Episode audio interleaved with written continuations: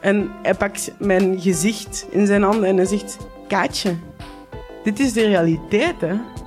Hey, ik ben Pieter van Relaas. In Relaas hoor je waar gebeurde verhalen en die worden live voor een publiek verteld door de mensen die ze zelf hebben meegemaakt. En blijkbaar, ze weten niet hoe dat, dat komt, maar sommige mensen ontdooien beter dan andere mensen. Luister naar Relaas. Je vindt ons terug op alle plaatsen waar je podcast kan beluisteren. De kip zal geen lawaai meer maken. Dit is De Lange Termijn, een wekelijkse podcast over investeren in aandelen, startups en crypto.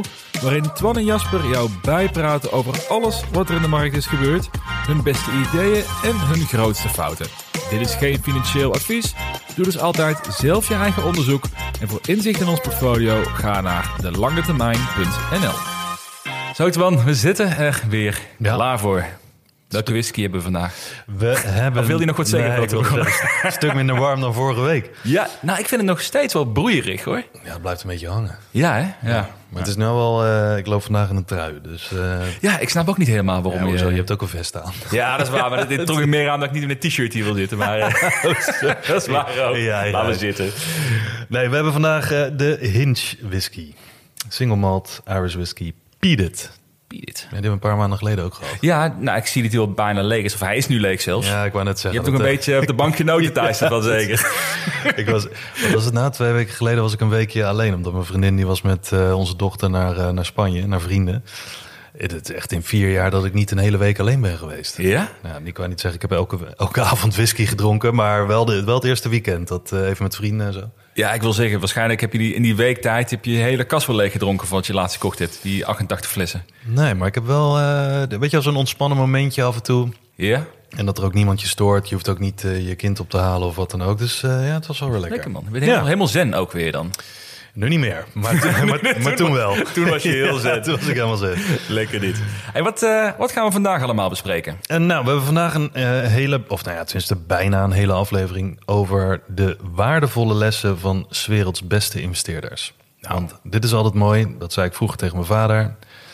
Pa, je hebt alles meegemaakt, geef me advies. En dan kreeg ik advies. En dan zei ik, oh ja, maar nu is het anders. Ja, ja, ja. Ja. wel, ja dus- dat werkte drie- 30 jaar geleden. Ja, joh, al die algemene wijsheden van al die oude mensen. En eh, nu ben ik zelf oud, om het zo maar te zeggen. En eh neemt niemand het ook meer voor mij aan. Je maakt, je maakt deze zelf, hè? Deze maak ik zelf. Ja, ik denk, ik kop hem even in voordat... eh, ik doe niks Voordat jij iemand het veld opstuurt. Maar ehm, dus we, de- daar gaan we even doorheen. De, de dingen die ons inspireren qua, qua quotes. En dan ook eventjes ehm, eh, wat onze eigen lessen daar mogelijk van zijn geweest en nog steeds zijn.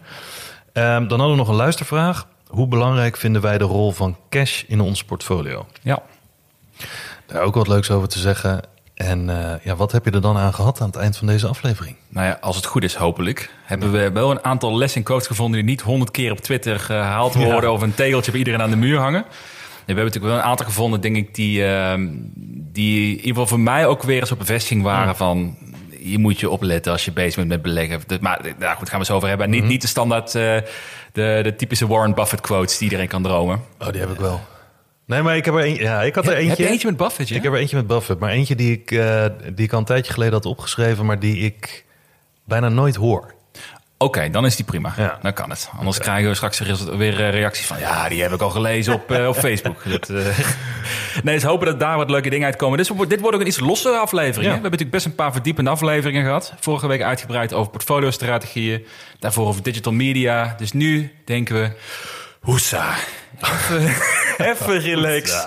Lekker luisteren naar goede tips en inspiratie over beleggen. Ja. Ook een keer lekker, toch? En voor de Vriend van de Show aflevering gaan we natuurlijk straks ook opnemen. Natuurlijk weer een persoonlijke vraag. En deze keer ga ik eh, vragen aan eh Antoine waar hij nou bijzonder trots op is. Qua investering of qua... Welke investering? Ja, anders wordt het weer zo'n lang verhaal. Ja. Het, eh, Mijn dochter. Ik ben, ik ben zo trots op mijn familie.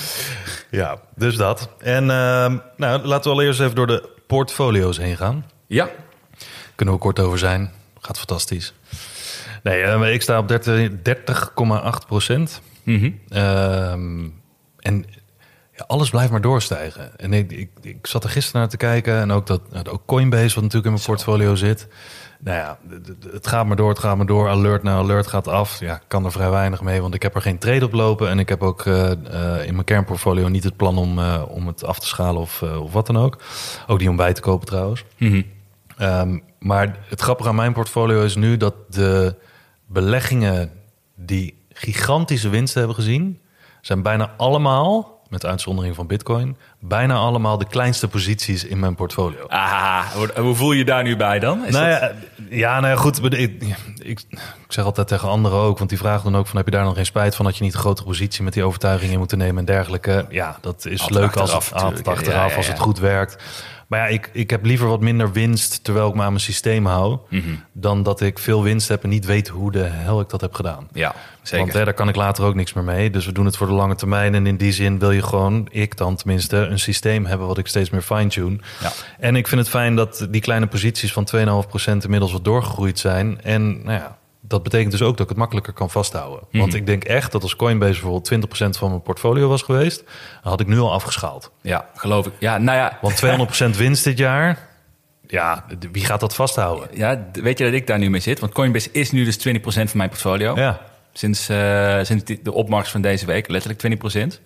En ik zat nu vanochtend al te denken van... oké, wat moet ik nou gaan doen ermee? ja. En ik heb gelukkig ook op voorbereiding voor deze podcast... natuurlijk een aantal lessen gelezen... waar geduld ook een belangrijk factor is. Daar Ja. gaan we het zo natuurlijk over hebben. Geduld. hè? Maar eh, ja, ik, ik, ik snap heel goed wat je bedoelt. Het begint wel te kriebelen van... moet je dan nu iets gaan verkopen of niet? Ja. Moet je vasthouden? Het is zoveel gestegen in een korte tijd. Coinbase gaat natuurlijk ook, is ook een super volatiel aandeel. Ja. Het zal me niet verbazen als het over een maand weer naar 50 of 40 dollar staat... zoals het al een paar keer Ja, geweest precies. is. Ja. Maar ja, zo'n proces houdt je, helpt je natuurlijk wel om je stabiel te blijven, denk ik, toch? Ja, nou, en ik denk dat je... je eh, ik had het toevallig gisteren met iemand erover... want die was net een jaartje bezig met beleggen... en die heeft er niet zo heel veel geld in zitten... en die heeft eigenlijk maar drie beleggingen. Twee van ongeveer 40% en eentje van 20% van zijn portfolio. Die zit er maar drie. Ehm, maar die heeft zo'n klein portfolio... dat in eurowaarde als het stijgt... volgens mij had hij ook...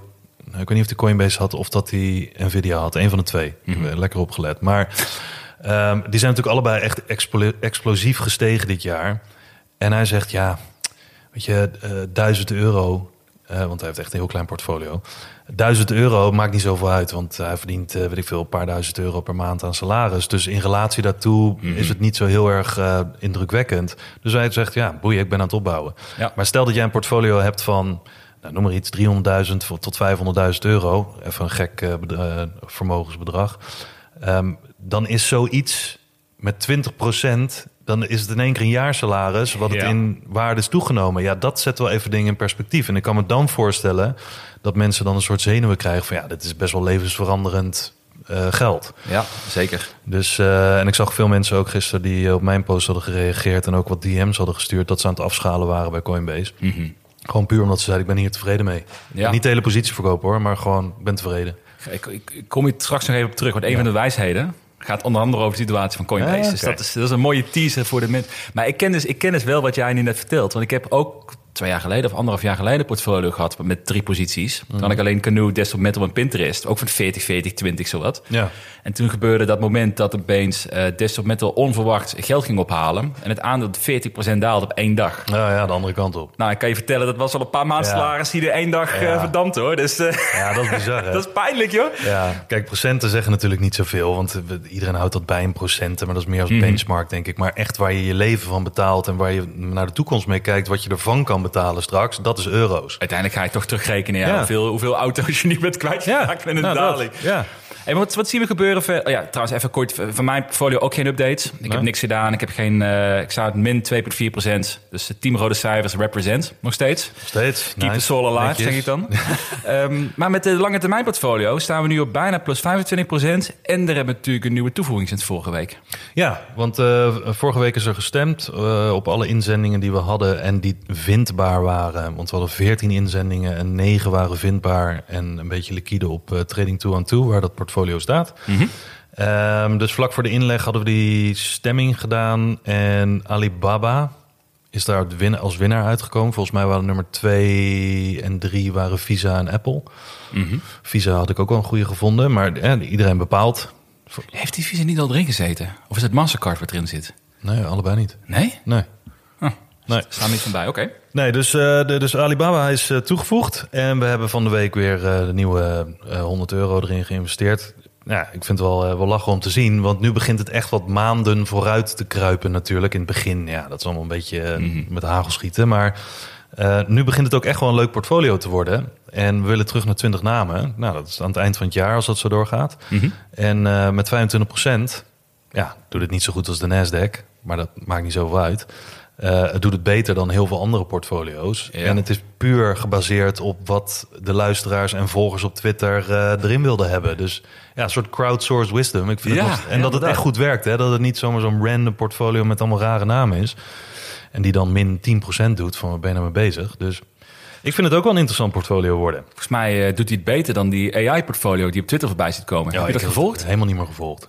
Nee, na, na twee of drie weken geleden ben ik gestopt met volgen. Mhm. Maar ik weet niet wat hij nu doet. Nou, ik, moet, ik zal eens even 5%? kijken binnenkort. Ik heb ook niet meer, eh, niet meer gekeken. Maar voor degenen die, die het niet weten, was wel ook zo'n tof experiment op Twitter ook. Dat iemand had een, eh, een AI-bot samengesteld. Waarbij dus de, een AI ging analyseren welke aandelen op, op een gegeven moment het beste waren om, qua, qua momentum om nu te kopen. Ja, En het idee was, een AI-trader kan beter traden dan wij mensen kunnen. ja. Maar volgens mij stond iets, ja, ik moet eigenlijk niet te veel zeggen, want ik weet niet of het klopt. Maar volgens mij stond na een maand stond er op plus 1 of 2 procent. Ja, dat heb ik gezien nog, Ja. ja. ja, dat was nog, mij deed de Nasdaq nog beter dan de Ja. AI-dingen. Dus, dus wat dat betreft kunnen we zeggen dat eh, de luisteraars van deze podcast doen het beter dan AI. Ja. Die kunnen we in ons zak steken. Ja, Oké. en de luister, het luisteraarsportfolio staat in die poll die we elke maand doen. Ook in de, in de top, eh, wat is het, eh 10, 15 procent. Ja. Dus eh, ja, gaat lekker. Lekker bezig, luisteraars. Ja. Snel even wat nieuws. Een paar leuke ontwikkelingen van de afgelopen eh, week. Waar we gewoon snel doorheen kunnen voordat we naar het, eh, het centrale thema gaan van de waardevolle lessen. En wat mij opviel, is een snelle.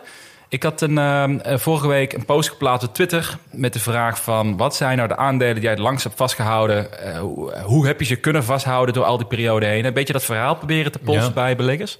Heel leuk. Heel veel leuke verschillende reacties gekregen. Echt mensen die al Apple hebben sinds eh 2000 zoveel. Ze met 2010 bijvoorbeeld al hebben. Of, maar. of Disney 15 jaar Ja. lang. Dat vind ik best wel stoer dat je dat Ja, zo lang kan vasthouden. Maar weet je wat mij is opgevallen? Is dat de, het merendeel van de mensen die al langer een positie hebben... die zeggen, ik heb geen moeite om het vast te houden... want er zit dividend aan vast. Echt waar? Ja, dat viel... De, de gros van de mensen die ik Ah. navraag... waarom heb je nog steeds, waarom verkoop je niet? Ja, er zit een dividend op, dus Ja. eh, voor mij is het makkelijk vast te houden. Ja. En ik dacht, is eigenlijk best wel misschien onbewust wel een hele goede. Als je misschien moeite hebt om aandelen lang vast te houden, als je heel wispelturig bent daarin, kan het misschien wel lekker zijn als je dividenduitkering daarbij hebt, dat het misschien net helpt om iets meer geduld te bewaren. ja, het is een beetje je, je, je geldautomaat. Ja, zo voelt het denk ik ook Ja, want je wil je geldautomaat misschien niet verkopen. En ik denk dat heel veel dividendbeleggers, ik ken er ook een paar, die doen het echt al, nou ja, wat ik veel, 15, 20 jaar. Zit alleen maar in dividend, bouw het rustig op. En die zeggen ook van ja, ik heb al die. Tuurlijk kijken ze wel eens naar hè, de Nasdaq en dergelijke. En dan denken ze, oh, die hebben echt in, in, in een half jaar heeft de Nasdaq qua winst opgeleverd. wat ik in vijf jaar aan dividend bij elkaar heb moeten sprokkelen. Maar zij zeggen ook. Ja, weet je wel, good times, bad times. Ik zei het gisteren op Twitter ook tegen iemand. Het is altijd dividendtime. ja, Ja, kun want- je ook bekijken, ja. Je wil je, wil je, je cash cow niet verkopen. Ja. Dus ze- echt, al die mensen die ik erover gesproken heb, die zeggen ook: het boeit me echt totaal niet of het stijgt. Liever niet, want dan kan ik niet Mhm. meer een goedkoop geldautomaat kopen. Ehm, liever dat het daalt. Dus dat is een hele andere mindset natuurlijk dan met groei investeren. Ja, maar ik moet wel zeggen, dat waren dus eh, niet per se dividendbeleggers die dat Ja. zeiden. Maar bijvoorbeeld, gewoon, eh, stel dat jij bijvoorbeeld Shell in je portfolio hebt, gewoon als een van de vijf aandelen. Oh, dan zou dat het aandeel zijn wat je het langst vasthoudt. Ja, omdat er dividend op zit, heb je minder noodzaak te verkopen. Want als het minder gaat, heb ik in ieder geval nog mijn dividend. Dus Ah. ik ben er oké mee. Dus alleen het aspect dat de dividenduitkering aan het aandeel zit, is een reden om het langer te houden. Of het nou Disney is of Apple Ja. of wat dan ook. Vond ik heel interessant. Ja, interessant, want we hebben het al een paar keer gehad over natuurlijk de Amazons en de Monster Beverages en dergelijke. Dat je 25 jaar het moet vasthouden voordat het echt een enorm resultaat geeft. Wie doet dat? Ja. Ehm, maar ik denk dat dat weinig mensen toebedeeld is. Maar inderdaad, met, eh, met aandelen die dividend geven, zou dat inderdaad een goede reden kunnen zijn. Ja. Ja, ik vond het heel interessant, die eh, constatering. Ja. En de tweede eh, snelle wat mij opgevallen is, is dat het ehm, twee jaar geleden waren specs natuurlijk helemaal hot. Ik heb er zelf redelijk aan meegedaan. Dus mij is meer dan de helft van mijn portfolio is voormalig specs. Moet ik toegeven. Maar ik denk wel dat we nu twee jaar later mogen concluderen dat het een, vooral een heel leuk vehicle was om makkelijk naar de beurs te komen. Met heel veel mogelijke beloftes. Maar Ja. het is nu een Belgische lijkt het. Het is nu, eh, dit jaar vallen ze echt om met de bosjes. ja? Er zijn nu elf voormalig specs zijn al failliet. Van hoeveel? Van de, ja, dat, die heb ik proberen uit te zoeken, maar dat is nog een beetje lastig. Maar gaat het dan om honderden? Of? Eh, ik denk dat het wel, pak een beetje zal het rond 100, om- bij de 100 zijn geweest in Oké. twee jaar tijd. Maar daarvan zijn 11, nu al trouwens meer dan 11, dat was een paar maanden geleden, meer dan 11, zal 11 tot 15 zijn failliet. Dus Ja. bijvoorbeeld eh eh, Tattoo Chef, Ah ja. bekend, die is vorige week failliet eh, aangekondigd. Eh Lordstown Motors, ook zijn EV-bedrijf waar heel lang naar uitgekeken werd. Ja. Wat ik al van begin af aan al graag is ook de ene, een van de weinigen die ik heb uitgesproken waar ik heel negatief over was. Die ook daadwerkelijk is uitgekomen. Dus dat is lekker. Check. Dus eh, dat is fijn. Ehm Boxed was ook een bedrijf. Die is, eh, was heel populair destijds. In de, de Reddit-scene was dat. Zijn van die, van die boxjes met spullen die je er kan krijgen iedere maand. Weet je, dat model zit erachter. Nooit van gehoord. Nee, wordt nu wat minder populair. De laatste jaren ook misschien door de koers gedaald is. Eh, Arrival is ook een EV-bedrijf. Ja. Die was heel populair. Was een van de meest gehyped eh, EV-bedrijven in die periode. Die heeft nu reverse split naar reverse split gehad. Die staat nu op 1 dollar. Maar daardoor is hoogtepunt 1500 dollar geweest. Man. Hij is gedaald, zeg maar, als je alles meerekent. Nou ja, reken maar uit hoeveel het is. Dus die, eh, die, gaan, die zijn nog maar 20 miljoen waard. Dus die gaan ook waarschijnlijk richting een faillissement. En een aantal die goedkoop zijn overgenomen. Nou, Ja. Desktop Metal hebben we natuurlijk zien gebeuren. Die wordt eh, veel te goedkoop, mijn beleving, overgenomen. Eh, Volta Charging was een hele leuke oplaad, eh, oplaadbedrijf... die ook reclame deden in hun oplaadpunten. Vond ik ook super interessant. Ook voor het schijntje 80 cent per aandeel... van het euro per aandeel overgenomen door Shell. Dus een tiende van de prijs zoals we naar de beurs gingen. Ja. Dus het is Beltjesdag voor die bedrijven. En ik denk dat heel veel beleggers, heel veel jonge beleggers... ik ben van mijn kaliber ook... die daar toch wel redelijk op een nat gegaan zijn. Ja, ja en het is, ja, het is altijd zuur om te zeggen. Maar het is wel goed. Weet je wel, al het onkruid eruit. En eh, niks te nadelen van die bedrijven. Maar ja, weet je, het, het kan niet dat alles slaagt. Dus, eh, Nee. En het was inderdaad gewoon een manier... Ik weet nog dat, eh, dat ik iemand sprak die er vol in zat. eh, qua beleggen. Of meer traden eigenlijk. En die zei, dit heb ik nog nooit meegemaakt. Weet je wel, hoe dit nu gaat. Dit is heel anders dan vroeger. En ik hoop dat dit goed gaat. Maar ik heb toch altijd mijn twijfels erbij. Dus ik ga hier echt bovenop zitten. Hij heeft ook wel redelijk wat slagen gemaakt daarin. Maar ik heb er nooit aan, aan meegedaan. Omdat het altijd voor mij een beetje als een ver van mijn bedshow voelde. Ja. Weet je wel, eh, dat hele IPO-gebeuren was ik ook altijd niet heel enthousiast over. Daar wacht ik altijd een paar maanden voordat het echt een richting had gekozen. Want het is toch een hoop, ja, hype. Ja, ja dat, dat blijkt nu wel, ja. Ja. Dat eh, veel bedrijven er net nog niet klaar voor waren. Of gewoon nog lang niet klaar voor waren. Ja, Veel hoge verwachtingen, maar weinig accountability. En dan eh, heb je, kan je ongeluk hebben. Ja. Er zijn bijna weinig specs die het echt uitstekend gedaan hebben de laatste twee jaar. Dus ja, een eh, pijnlijke les, maar wel weer geleerd. Altijd kritisch blijven op dit soort eh, nieuwe ontwikkelingen, nieuwe goudmijnen. Denk ja. Je hebt ook een eh, belangrijke zaak net langskomen, van interessante. Ja, nou ja, er was een eh, bericht van de week over dat de... Hè, we weten allemaal dat de Nasdaq enorm is gestegen. eh, vooral de Nasdaq 100. En daar zitten een paar darlings in natuurlijk... Die, waar we het ook eerder over hebben gehad. Dat zeven namen, wat ze nou volgens mij de Magnificent Seven noemen... en dus geen FANG meer. Nice. Vind ik leuk. Ja, de officiële term geloof ik in, geïntroduceerd. Maar dat zijn de zeven hè, usual suspects. En die hebben nu zo'n enorm overgewicht in de Nasdaq... dat de Nasdaq heeft besloten... eh, normaal gesproken doen ze één keer per jaar... doen ze zo'n hele herweging. Eh, en elk kwartaal hebben ze nog de mogelijkheid... om eh, kleine tweaks te doen bijvoorbeeld... Uh, maar nu hebben ze een soort speciale herbalancering. Gewoon op midden van het jaar, op een random dag. Omdat ze vinden dat die zeven, die echt bizar zijn gestegen, zoals Nvidia bijvoorbeeld en Tesla, dat die te veel gewicht hebben. Dus dat maakt de hele index te risicovol. Te afhankelijk van die zeven namen. Dus ze gaan dat op basis van wat ik ervan heb begrepen. Ze hebben een meetpunt gedaan op 3 juli. Ja, dus eh, wat is het, een week geleden ongeveer. Uh, en op 24 juli gaan ze de uh, percentages van de weging weer op orde brengen. Mm. Maar dat betekent dus, omdat die Nasdaq, daar zit natuurlijk heel veel ETF's aan verbonden en ook sub-ETF's en weet ik veel wat allemaal. Dat betekent dus dat je bij sommige aandelen, namelijk die het heel goed hebben gedaan, mm -hmm. die weer teruggebracht moeten worden naar een bepaalde beperktere uh, weging, dat daar verkoopdruk zal komen. En anderen die het minder goed hebben gedaan, dus die misschien op een 1% weging staan, terwijl ze op anderhalf zouden moeten staan, mm -hmm. volgens, uh, volgens de Nasdaq, uh, dat die aangekocht moeten worden. Want ja, zo werkt dat. Ja. Um, dus daar zit nu iedereen op te speculeren van... oké, okay, dat geeft verkoopdruk op Nvidia, Tesla... Uh, alle grote namen die enorm zijn gestegen. Uh, ja, ik weet niet of het echt een non-event is of niet... maar het is wel, ze hebben dit maar twee keer eerder gedaan. Volgens mij in 2011 en in 1998. Dus het is wel een uniek dingetje. Heb, heb je een idee wat er toen gebeurde met de aandelen? Nee, Nee, geen idee. Dus ook misschien ja, ook weer een hele andere periode, natuurlijk 12 jaar geleden. Ja, misschien ook andere namen, weet je wel. Maar eh, het, is, het is wat dat betreft, ja, dit zal misschien eventjes wat, eh, wat speculatie geven. En dan eh, een paar weken later is dat weer helemaal volgens mij, Ja. zoals de markt efficiënt kan reageren op dat soort dingen, is dat weer helemaal in lijn getrokken. Ja, maar denk je dat het grote impact gaat maken op een, een Microsoft, een Google? En... Nou, dat weet ik niet. Het zou iets kunnen, kunnen doen, Hmm. maar ehm, ik denk dat het uiteindelijk gezond is. Want Ja, weet je, ik heb ook een Nasdaq ETF en dat is ook 10% van mijn portfolio. Ja, eh, ik word daar ook, ja, ik word er niet zo, zodanig zenuwachtig van, maar ik weet wel dat op een gegeven moment normaal gesproken 20% eh, van die ETF eh, de top 10 namen zijn en nu is het 40%. Ja, dan ga ik die individuele namen bijvoorbeeld echt in de gaten houden. En dat vind ik ook niet lekker, want daarvoor heb ik juist een ETF. Ja, klopt. Dus ik wil een ETF dat die de markt vertegenwoordigt. en nou ja, je zou kunnen zeggen, nou, dit is de markt. Mhm. Ja, weet je, de, laat het lekker gaan. Eh, maar ja, sommige dingen lopen elkaar natuurlijk wel een beetje eh, in, eh, in de weg. Dus ik vind het wel lekker. En we kunnen door naar het centrale thema. Ik heb een jasje al uitgedaan, zoals je ziet. Want dit Ja. wordt een... eh we zijn er echt klaar voor, voor de wijze lessen. Ik zal mijn mouwen zo even afritsen. Weet je nog, vroeger trouwens, heb je ooit zo'n zo'n broek gehad met, eh, met zo'n... Ja, daar ben ik eh, super trots af, op. Afrits Ja. Ja. Af, afrits broek. Afritsbroek, ja. Heb je die gehad? Ja, in alle vormen en maten. Ja, joh. Ja, dat wij daar vroeger mee moesten lopen van onze ouders, hè? moesten. Ja? Of vond je het cool? Ik wilde het zelf. Ja? Ja, dat is nog erger. Oh, jezus. Vooral toen ik veel op reis was. Dat eh, echt ideale broeken. Terwijl dat sloeg echt nergens op. Want ik droeg de helft van de tijd gewoon pijpen in mijn, in mijn rugzak.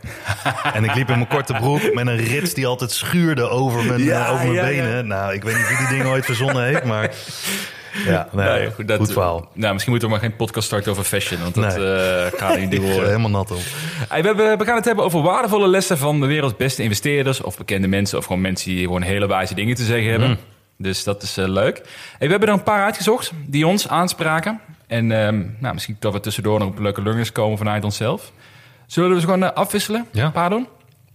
Nou, ik heb, er, ik heb een paar proberen te vinden die misschien wat meer in een straatje liggen ook van, eh, van groeibeleggen. Omdat het natuurlijk iets is waar ik zelf mee bezig ben. Misschien als een stukje context voor dit onderwerp.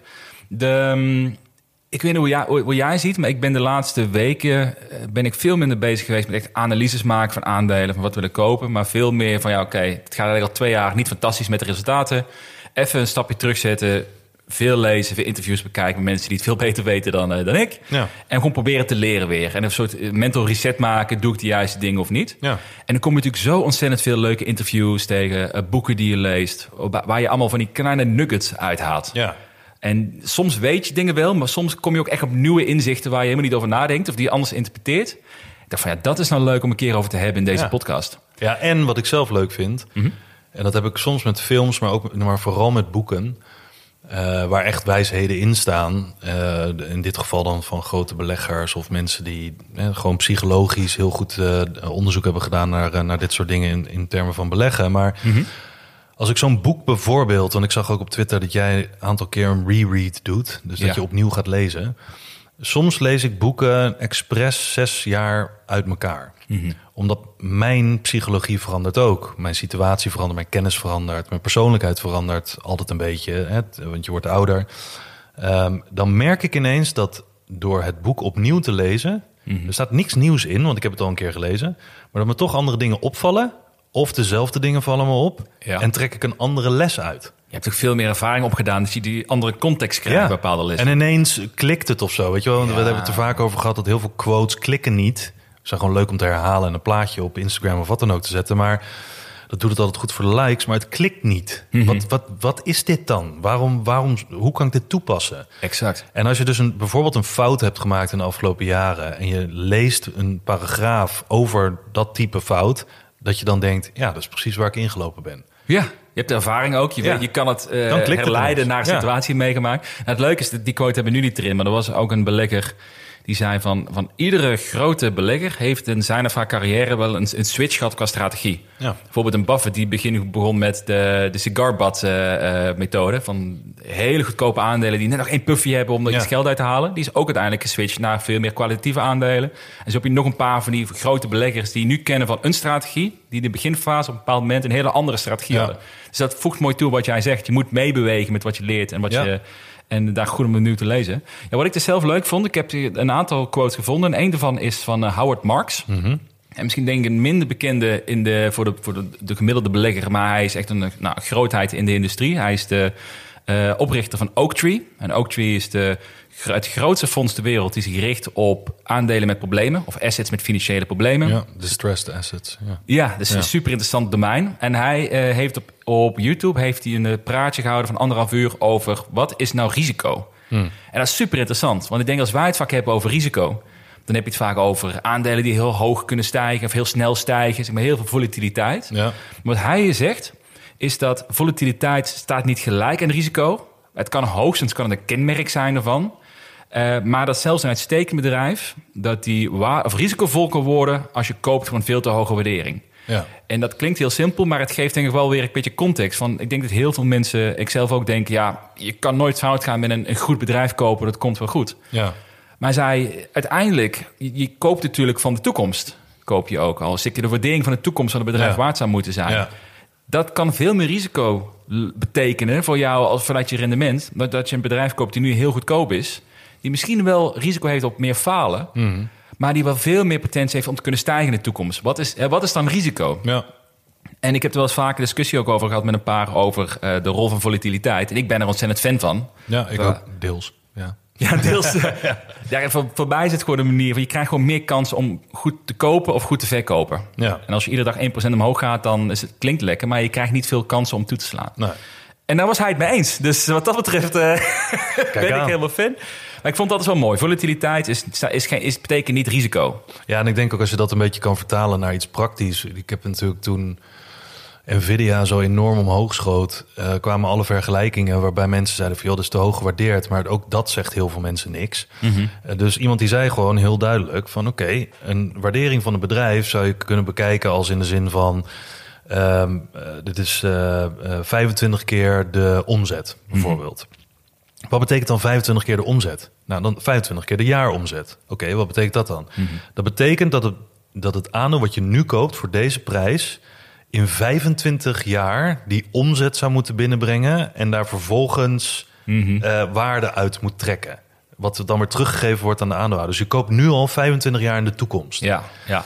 Mag het geen jaar fout gaan? Hebben ze geen kosten? Weet ik veel, dat soort dingen allemaal. Hè? De nou ja, verschil met earnings en eh, eh, hoe heet het, profit en dergelijke. En, en revenue en turnover. Al dat soort eh, dingen halen mensen ook nog wel eens in de war.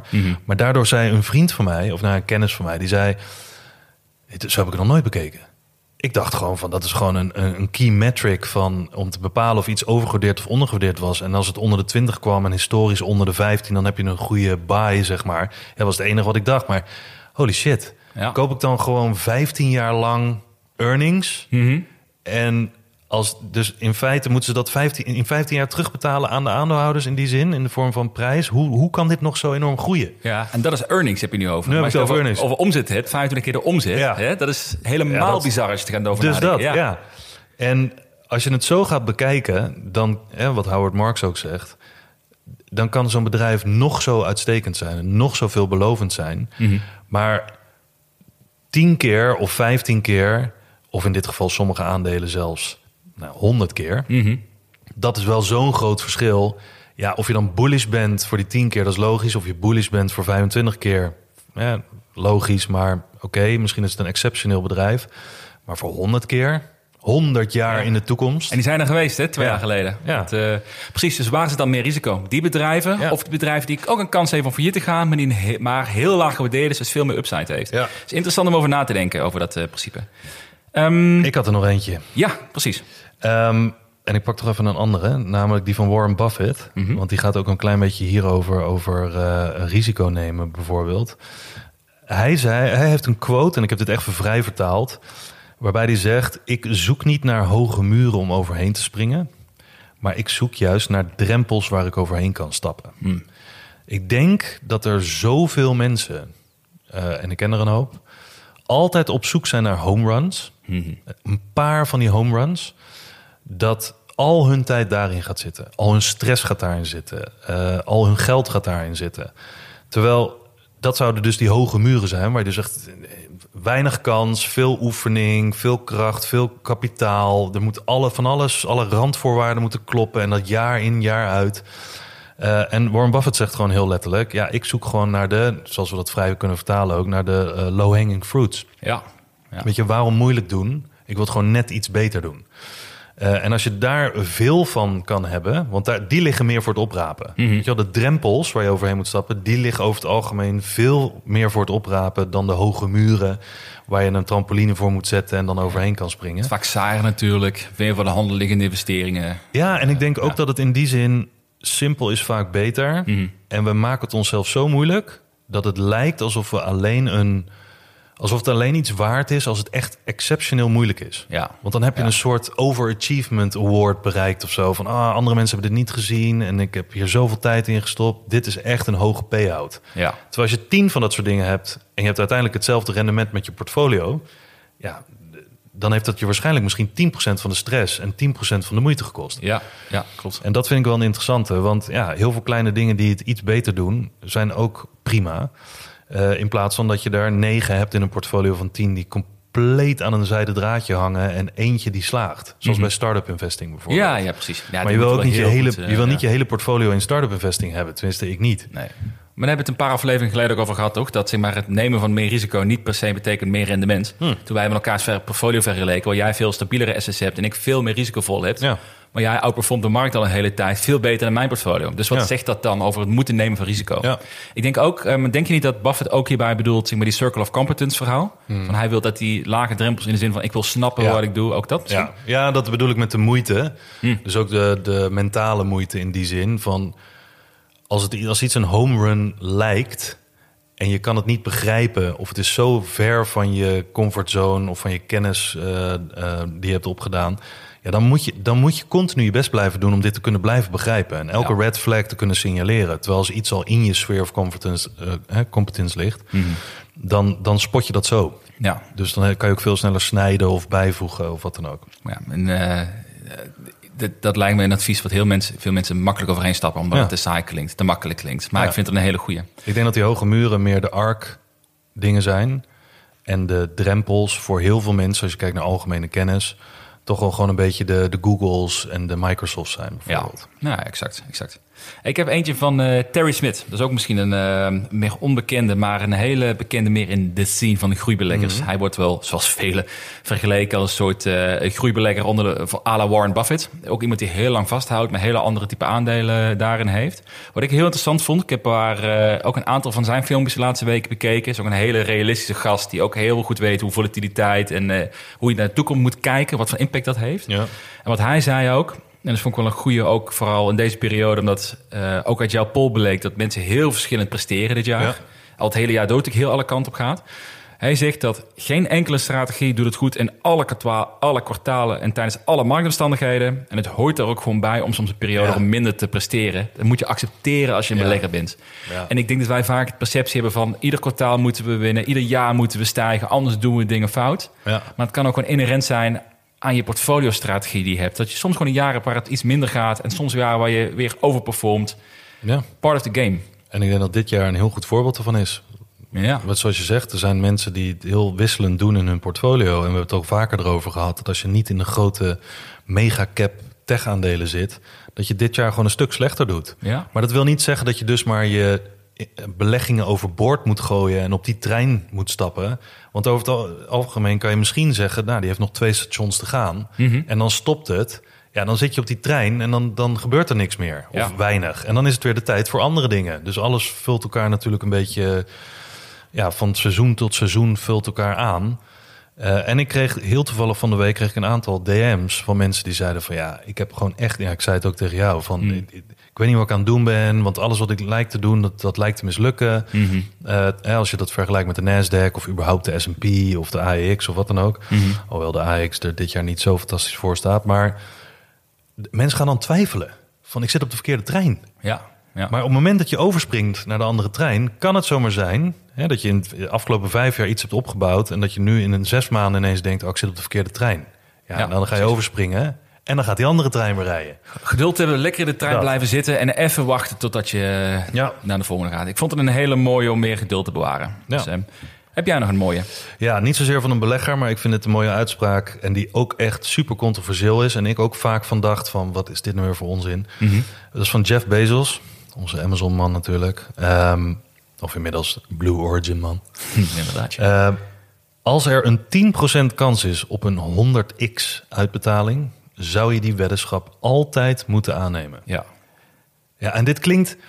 Ik denk als je dit tegen 10 mensen zegt, vooral op Twitter, dat er heel veel mensen zeggen: ja, dat is gokken. Ja, dat denk ik ook. Ja. Ja. Maar alles in zijn context. En Mhm. ik heb dit interview gezien waarbij hij dat zei. Hij bedoelt dat als je zo'n buitensporige grote kans hebt om een payout te krijgen die hè, 100x is, wat je niet vaak meemaakt. Eh, hij zei ook dat het gaat over een lange periode natuurlijk, dus niet Mhm. gokken van maandag op dinsdag. Eh, en als er is een hele kleine kans, dan moet je hem aannemen, mits je zelf weet wat je doet. Ja. En hoe meer controle je erover hebt, zoals in zijn bedrijf, want daar bedoelde hij het mee, niet, Mm. zozeer, niet zozeer qua beleggen, maar ik denk dat dit ook voor beleggen geldt. Hoeveel controle heb je erover? Hoeveel invloed? Eh, kan je dit managen op zo'n manier dat die 10% gaandeweg meer stijgt? Het lijkt nu 10% kans. Net zoals met Bitcoin bijvoorbeeld. Een aantal jaar geleden was het misschien 1% kans van slagen. Nu 10% kans van slagen, weet ik veel. Hoe langer het doorgaat, hoe groter de kans van slagen is. En hoe meer invloed je erop kan uitoefenen, hoe meer je dat kan bepalen. En beïnvloeden hoeveel, ehm, kans die, hoeveel die kans stijgt. Maar ik vind dit heel interessant, omdat heel veel mensen zeggen op, op, op basis van deze quote... eh, als je dit op Twitter zou posten, of als ik het tegen tien vrienden zou zeggen... dan zouden ze zeggen, nou, dat zou ik niet doen. Schokken. Ik zelf, ik ben niet zo risiconemend... maar ik zelf vind dat je best, of dat ik best... 5% van mijn portfolio in dat soort well-educated guesses... met een enorme upside potential eh, kan nemen. Omdat ja, misschien met 0,5% van mijn portfolio... als iets 100x gaat over de komende 20 jaar... dat is misschien straks, nou ja, hè, als alles groeit hopelijk... maar is misschien straks 20 tot 40% van mijn portfolio Ja. mogelijk. Ja. Nou, hoeveel invloed heeft dat? En als het niet werkt, nou 0,5%. Ja. ja. Je hebt nou eenmaal de gelegenheid, denk ik. Niet dat iedereen daar mee moet doen. Maar je hebt de gelegenheid om met een hele kleine investering een enorme slag te kunnen maken. Ja. Alleen als dat te groot is, en dat doen heel veel mensen, denk ik. Is een hele kleine kans op slagen, maar het is wel een- misschien een 100 bagger. Eh, dan ga ik er 10% van mijn portfolio in leggen. Mhm. Dat werkt op twee manieren niet. Ten eerste, 10% is te veel, vind ik. Want 10% kwijtraken voor iets waar je hard voor hebt gewerkt, dat vind ik nogal veel. Ten tweede, eh, je gaat het niet volhouden tot die 100 keer. Dat is vooral de uitdaging, denk ik. Dat is de Ja. uitdaging. Want als het vervolgens maal 5 gaat, nou, dat is nog lang niet maal 100. Ja, dan is het in één keer 50% van je portfolio. En, en waarom kan het wel bij startups? Omdat je niet tussentijds kan verkopen. Je moet vasthouden Ja. in veel gevallen. Dus dan krijg je Ja. of die 100x of niks. Ja. En dan. Ik zou trouwens eh, die wetenschap iedere dag aannemen. Ja? Het is, het is, het is, ik, ik snap dat het risicovol voelt, maar dit vind ik weer zo'n typisch voorbeeld van iets risicovol voelen en wat het risicovol is. Ja. Dit is puur kans berekenen. Dus Ja. als je doorrekent 10% op een 100x uitbetaling, dat betekent dat iedere keer dat je deze bet doet, dat het gemiddelde scenario een 10x is. Ja. De enige uitdaging is, heb je één kans of heb je 10, 100 Ja. kansen, 1000 kansen dat je die bet maakt. Maar als je meerdere kansen hebt, je kunnen blijven doen, is dat één idee of the week, zou ik te nemen. Zonder enige twijfel.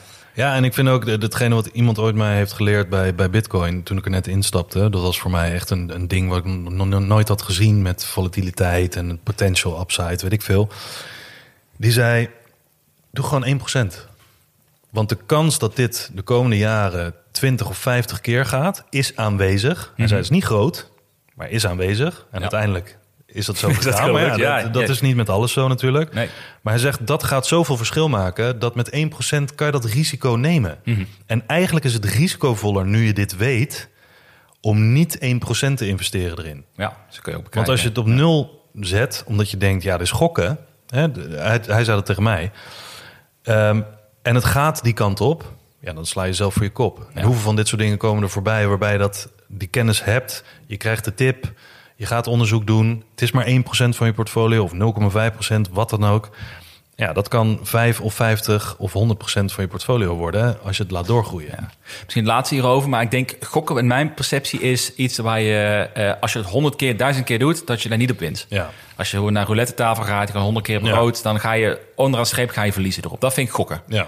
Eh, maar wat bij poker veel speelt, is dan plus EV, plus expected value. Ik denk dat je altijd moet kijken naar, als je dit 100 keer doet, wat is de expected value als je dit 100 keer gedaan hebt? En als Ja. dat plus EV is, zoals dat mooi heet, is gewoon een enorme goede kans. En dit is een plus EV kans, Ja. want op de lange termijn ga je er meer op verdienen, puur kansberekend. Als je dit trouwens lastig vindt, heb ik een goede tip.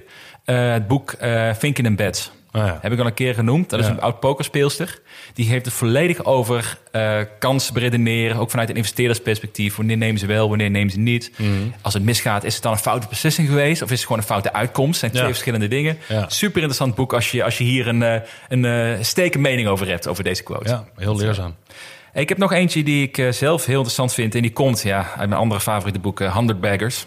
Komt die. Ja. Die ik nu de tweede keer aan het lezen ben. Maar ik vind het wel iets wat, wat mij echt aanspreekt. En daarom goed om deze toch nog te benoemen. En ik heb nog twee eh zijstapjes met andere beleggers die hier ook eens van vinden. Hij zegt, eh, Chris Mayer, de schrijver ervan... "Kijk, Als je kiest voor individuele aandelen... dan moet je geduldig en volhoudend zijn. Want een 100 bagger duurt meestal 20 tot 25 jaar... Ja. voordat het eh, gaat renderen. En meestal het meeste rendement komt in de laatste jaren. Ja. En dat geeft een beetje perspectief hoeveel geduld moet je hebben voor die 100 baggers. Oh, die moeten ze echt laten groeien. Ja, en, ik denk, dat- ja. en ik denk dat heel veel mensen die dit horen... of die dit, dit soort dingen lezen... gelijk denken, ja, doei. Ja. Op twee manieren. Mhm. Eén, doei, dat is veel te lang. ja. ja. Terwijl een gigantisch rendement is. Hè, Dus dat, ga, dus dat ga ik niet doen. Mhm. Eh, want 20, 25 jaar klinkt als een eeuwigheid. En andere mensen denken, ja, doei, dat kan sneller. Dat is allebei hetzelfde, toch? Het duurt te lang en dat kan sneller. Nee, de, de een gaat het proberen... Ja? en gaat vol erin omdat hij denkt dat hij dat sneller voor elkaar kan krijgen. Ah, ja. En de ander gaat er niet eens aan beginnen, omdat hij denkt, dit duurt te lang. Mm, ja. En ik ken ze allebei, de types. Ik ben ook allebei dat type geweest. Mhm. Eh, heel eigenwijs, dit kan sneller. Nou, niet gerealiseerd dat marktbewegingen uiteindelijk zichzelf een beetje in een eh, gemiddelde lijn uittekenen. Wel een lijn omhoog. Maar ja, je zit hele periodes zit je tegen een verlies aan te kijken... om vervolgens hele periodes tegen een winst aan te kijken. Het gaat nooit in één streep omhoog. Maar Ja. als ik dat van tevoren had geweten hoe lang dat duurde... ja, weet je, de eerste twee jaar bij zoiets als bitcoin... reken ik mezelf zo rijk en we hebben het eerder over gehad... ik wilde huizen kopen en weet ik veel wat. Mijn hele hoofd slo- sloeg op hol. Mhm. Maar als je nu vijf jaar terug gaat kijken... ja, en bitcoin heeft gemiddeld, weet ik veel... 15% per jaar gedaan, noem maar iets... ja. Dan denk je, oh, zo speciaal is dat niet. Als ik dat had geweten, dan, eh, dan was ik er misschien niet eens aan begonnen. Ah, achteraf gezien misschien Ja. wel, ja. Maar ik vind het interessant. We hebben hier een aflevering uitgebreider over gehad. Over de 100 baggers. eh, eh, meer over het boek wat hij allemaal zegt. Maar vooral omdat het 20, 50 jaar duurt. En in de meeste gevallen de uitzonderingen zijn binnen 10 jaar. Of 10, om en bij 10 jaar. Het is een lange periode. Dat moet, dat moet je hebben, anders ga je dit soort dingen niet vasthouden. Er waren twee in het verlengde twee opmerkingen die ik ook interessant vond. Eentje is weer van Terry Smith, waar we het net over hadden. Smith, moet ik zeggen. Die zegt van, eh vond ik wel interessant. Ehm, iemand zei dat er niks mis is met het tijdig nemen van winst. Wij het ook best wel vaak Dat- over dat gehad. ja. Ja. iemand, oftewel Twan, zei dat. En dat er kloppen, zegt hij. Maar diegene is waarschijnlijk ook niet heel erg rijk geworden door deze aanpak. En dat hangt een beetje het verlengde ervan Nee. dat je veel te snel gaat afromen. Het is leuk, want nu zit het natuurlijk met Coinbase in die situatie. Waar ik ook denk, iets vroeg met afromen. Maar ja, als je dus echt de upside wil maken, kan je nu niet gaan stoppen nu een tijdje goed gaat. Nee. Vond ik leuk. En de laatste is eh, Pieter Lynch. Dat is mijn eh, favoriet is dat. Die heeft echt gigantisch leuke interviews ook op eh, YouTube. Hij zei, de, de typische grote winnaar in mijn portfolio duurde gemiddeld tussen de drie en de tien jaar voordat er resultaten waren. En tot die tijd was het, was hij, zei hij eigenlijk, werd eigenlijk gezien als een sukkel voor mijn keuzes die ik maakte. Zo lang duurt dit voordat ik eh, iets, eh, iets kreeg. En het, eh, nou, ik pak deze meteen mee. De allerlaatste quote van de, van de beleggers, die is van eh, Bill Ackman. Wie kent Ah, hem ja. niet? Zegt hij, eh, en ik denk, ik- dit, is, dit geeft mij vooral heel veel moed, eh, deze quote. Bij investeren kan je lange tijd lijken op een sukkel, totdat het moment komt dat je gelijk krijgt. Ja.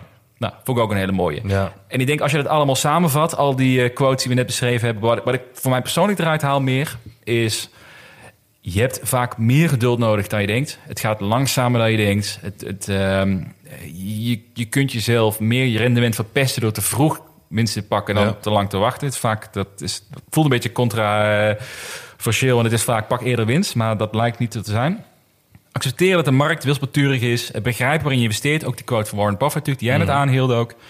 En ook vooral een strategie bepalen waar je aan vast kan houden. Ja. Want jij zegt, als je 40% in één asset hebt zitten... dat ga je nooit tot 100 Nee. vasthouden, want het is gewoon veel te spannend. Ja. Dus, En, eh, dat, en dat, waar we het vorige keer natuurlijk een hele aflevering over hebben gehad, over strategie. Ik denk dat dat de basis is. Ja, Niet dat je gelijk je strategie helemaal op orde hebt, maar dat je weet wat voor componenten er in je strategie zitten en dat je die gaandeweg aanpast. Schrijf op, ik heb te veel in dit of dat gestopt, eh, het gaat als een mal omhoog. Maar ja, ik ga nog gewoon nooit die eh 10x volhouden, omdat bij 3x word ik al zenuwachtig. exact. Ja. Dus ja, dus ik denk dat iedereen daar eh, gewoon in, in vijf jaar een heel ehm, een, een, een goede ervaring uit kan halen en uiteindelijk een veel betere belegger kan zijn. Eens. Eens. We hadden ook nog twee eh, luisteraars die hadden, vonden iets ervan. Mhm. Vind jij leuk te benoemen?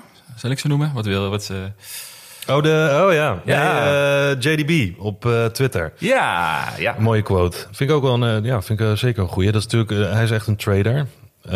Of tenminste, dat de dingen die hij publiceert, dat gaat over traden. Eh, een trade kan maar drie uitkomsten hebben: een klein verlies, een kleine winst of grote winst. Dus degene die ontbreekt, is groot verlies. En de reden waarom hij dat zegt, eh, denk ik, ik kan niet in zijn hoofd kijken, maar dat heb ik ook al meegemaakt, is dat bij traden gaat het er vaak om. ehm, je bent niet bang voor verlies, maar je weet heel snel je verlies af te kappen. Ehm, dus als jij een goede set regels voor jezelf hebt met traden, dan zou het niet nodig zijn om bijvoorbeeld meer dan 1 of 2 procent van je positie kwijt te raken voordat je stoploss afgaat. Of dat je besluit, oké, ik dacht 90% zeker te weten op basis van indicatoren en dergelijke dat het omhoog zou gaan. Het gaat toch naar beneden. Nou, dan is mijn case gewoon mislukt. Ja, En ik ben bereid om dat verlies te nemen. Maar in plaats van dat je, zoals veel mensen doen die net beginnen met traden en ik ook, dat ik denk, ah, ik ga gewoon average down. Wel, ik ga gewoon lager bijkopen, want het gaat een keer omdraaien, lager bijkopen. Ja, daar kom je heel snel niet meer van terug. En Ja. zeker bij traden. Dus eh, bij investeren, als je het dan vervolgens 10 of 20 jaar moet laten staan, ja, zal waarschijnlijk geen probleem zijn. Maar bij traden is dat gewoon killing. Ja. Dus een, eh, eh, ja, klein verlies, kleine winst of grote winst. Ja. Nooit groot verlies. Mooie, vind ik een mooie uitspraak inderdaad voor de, de traders onder ons, maar een heel passende. En we hadden nog eentje die, die eh, maakte, Pascal maakte die opmerking, en die vond ik ook een hele scherpe, iets wat we vaak horen, maar denk ik weinig op waarde schatten, is dat als je de tien beste of de tien slechtste dagen per jaar mist, oh nee, de, in een tien jaren tijd de tien beste dagen mist, in een aandelenindex, dan is dat al snel, snel 100% rendement wat je mist op het Ja. totaal. Ja. En het is natuurlijk die, quote- de, de, de, het, het, eh, het feit dat die tien beste dagen maken eigenlijk je hele jaar Ja. over de langere tijd. Ja. ja, ik denk alleen wel dat er één eh, side note aan te maken is. Want heel veel mensen die plakken dit op alles. Ja, Eh, dit geldt wat mij betreft, en ik kan het helemaal mis hebben, maar dit is mijn perceptie en mijn ervaring. Dit geldt echt puur voor indexen. ja. dat klopt. Want- Zegt hij ook trouwens specifiek, ja. Oh, dat ja. zegt hij specifiek. Oké, ja, want bij, bij aandelen bijvoorbeeld, net neem Coinbase bijvoorbeeld.